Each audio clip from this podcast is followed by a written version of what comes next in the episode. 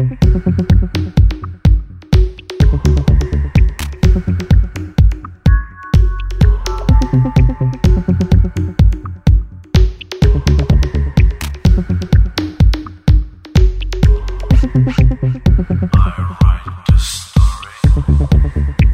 všem, tohle je Frekvence 101 a ne první český podcast o Tajvanu. Dneska máme sobotu 9. dubna 2022, takže s novým týdnem další díl tohle podcastu o různých zajímavostech z Tajvanu. A dneska to bude o kytkách, eh, ne těch jako minulé, ne těch drogových, to si, to si poslechněte v tom předchozím díle, ale o normálních květinách. A zase spousta zajímavostí, spousta kontextu, eh, výletů do historie i současných záležitostí vazba na technologie. Myslím, že to bude velmi zajímavé, takže moc díky, že posloucháte, díky všem, kteří eh, tyhle ty díly pravidelně sledujete. Eh, díky případně těm, kteří eh, je budete sdílet s dalšími známými kamarády, které by to mohlo zajímat a případně budu rád i za nějakou zpětnou vazbu. A takže pojďme na ten dnešní díl, protože já už jsem tady mluvil o tom, že Tajvan je jeden z největších výrobců mikročipů a technologií na světě, eh, jedním z největších výrobců a exportérů jízdních kol, o tom už tam taky mám díl. A teď eh, do třetice a zase celkem zajímavá věc, když půjdete své přítelkyni nebo komukoliv nebo na okrasu domu eh, koupit živou orchidej někam do těch obchodů s květinami, ať už do těch velkých nebo do těch malých, tak celkem eh, z velké pravděpodobnosti ta květina pochází z Tajvanu Eh, což je zase úplně neuvěřitelná záležitost, ale je to tak. Pokud budete si koupit orchidej v Americe, tak eh, skoro 100% jistota, že pochází z Tajvanu. A jak k tomu došlo a proč to tak je, tak dnes, dneska v tom dílu, no. A ono, musíme trošku do historie, někdy do 70. let 20. století, kdy Předtím byl Tajvan eh, samozřejmě za, za japonské okupace nebo nadvlády, nebo jak tomu chceme říkat, tak eh, velmi zemědělskou lokalitou, protože eh, protože samozřejmě to podnebí, které tam panuje, zejména na jihu a na tom jeho západě, tak je velmi jakoby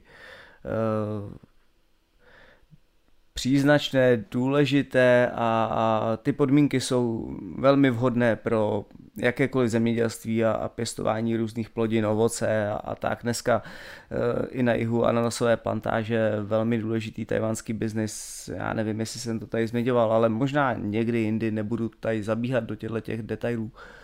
Ale takže Tajvan jako zemědělská lokalita, velmi významná, a dlouhodobě i to, tomu tak bylo i v těch prvních letech vlády Kuomintangu po 49. tak eh, Tajvan nebyl tou zemí, která je dneska orientující se na export na technologie a tak, ale spíše zemědělskou lokalitou. A to se právě časem začalo měnit, ale některé ty souvislosti vedly k tomu, že v těch 70. letech eh, několik eh, nadšenců začalo křížit a šlechtit a různě upravovat různé květiny, zejména teda orchideje a začaly být jako velmi významní, ať už na tom místním trhu, tak eh, i světově prostě se prezentovali na těch různých výstavách a tak. A v 80. letech se ta situace změnila v tom, že Eh, společnost, která se jmenuje Thai Sugar, anebo jmenovala Thai Sugar, což je spojení Taiwan a cukr a ona tahle ta společnost se dříve orientovala na právě produkci a, a, a prodej cukru. Ale protože se ze zahraničí začal eh, dovážet cukr levnější, tak oni hledali nové odbytiště, nové trhy a, a nové vlastně příležitosti obchodní. A právě to našli v tom, že, jak říkám, v těch 70. letech Tajvanci začali eh, šlechtit orchideje a začali v tom být velmi úspěšní a Tai Sugar vycítil, že by v tom mohl být velmi zajímavý biznis a v 80. letech do toho, jak tahle ta společnost eh, začala investovat velké peníze,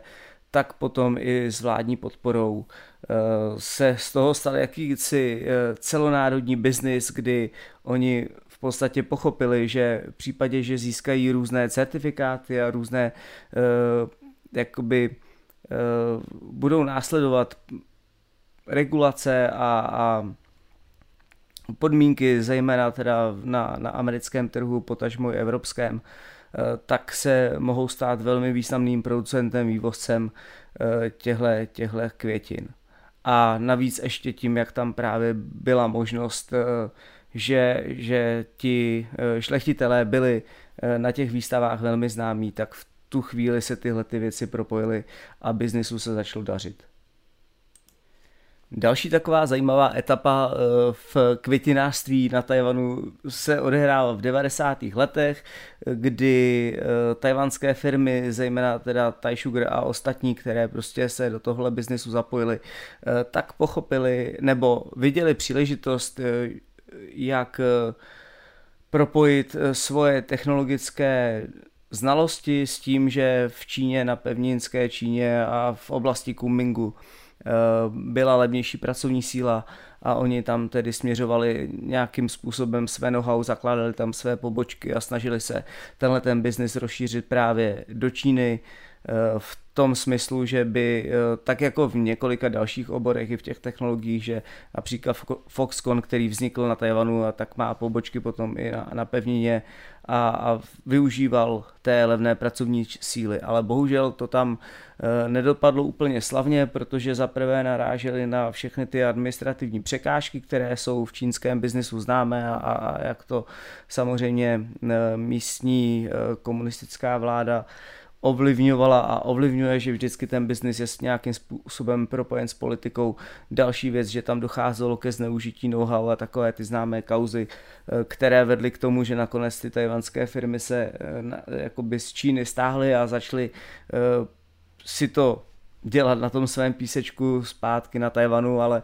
ale tomu biznisu a tomu květinářství se tam daří velmi dobře, protože eh, dejme tomu v roce 2005 eh, v případě produkce těch orchidejí eh, tak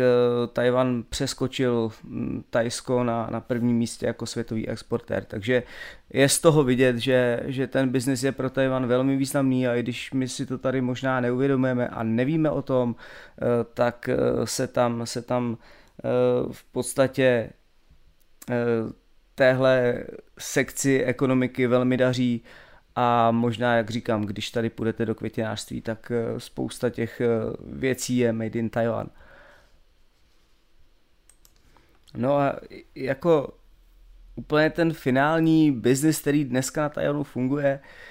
tak došlo k propojení toho zemědělského sektoru, který je jakoby logicky stabilní a, a nějakým způsobem ty své zákonitosti má dané a přispívá k tomu i právě to vlhké a, a slunečné podne, podnebí, eh, zejména právě na tom jihu a jihozápadě, okolí Tajnanu, tam jsou ty největší plantáže ale vedle toho existuje, tak jak Tajvan začal být jako velmi technologickou velmocí a založil spousty těch biotechnologických a,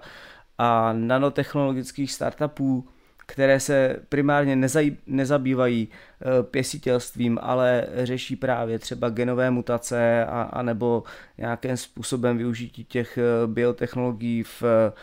rozvoji nebo v podpoře odolnosti těch rostlin, tak aby vydržely déle a byly barevnější a krásnější a, a tak jak si dovedete asi představit, že když to cestuje přes tři čtvrtě světa, tak zase si nechcete doma koupit něco, co vám za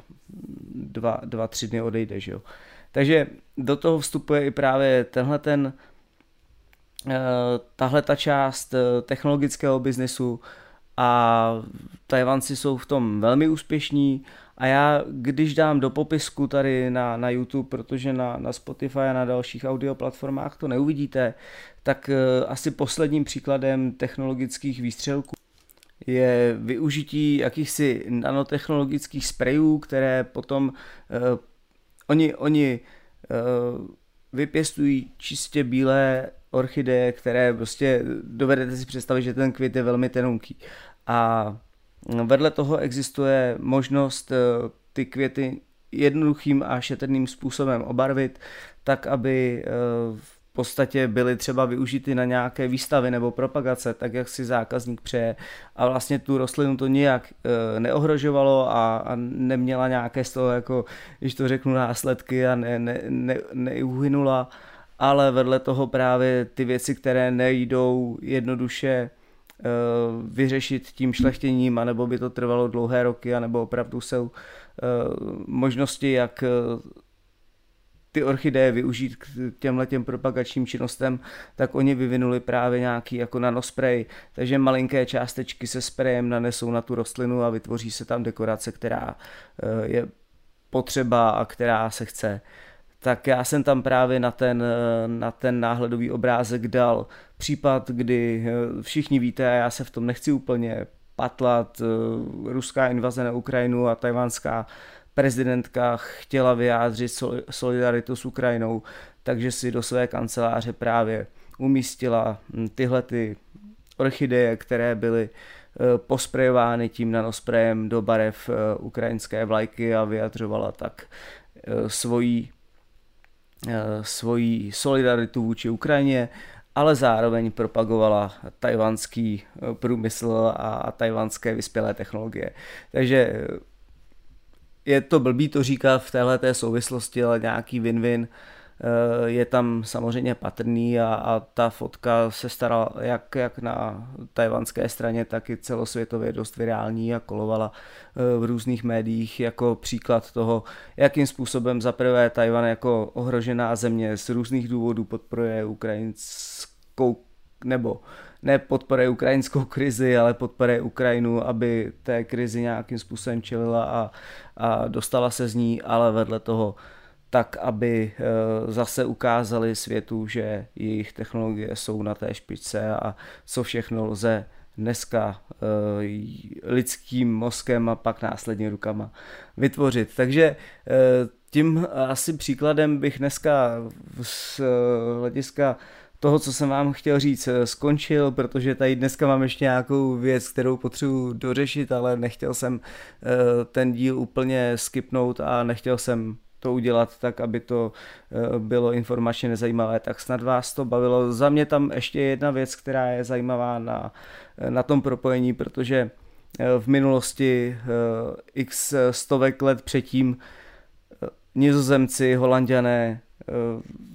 zakládali na Tajvanu první nějaké svoje kolonie a, a ovládali část území a dneska právě tímhletím květinářským průmyslem se eh,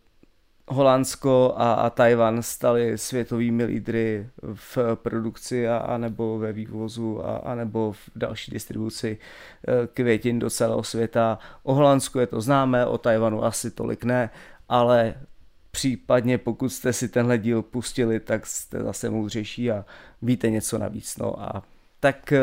za mě dneska všechno, moc díky za poslech, přeju hodně zdraví, mějte se fajn a u příštího dílu zase naslyšenou a pokud budete chtít, tak eh,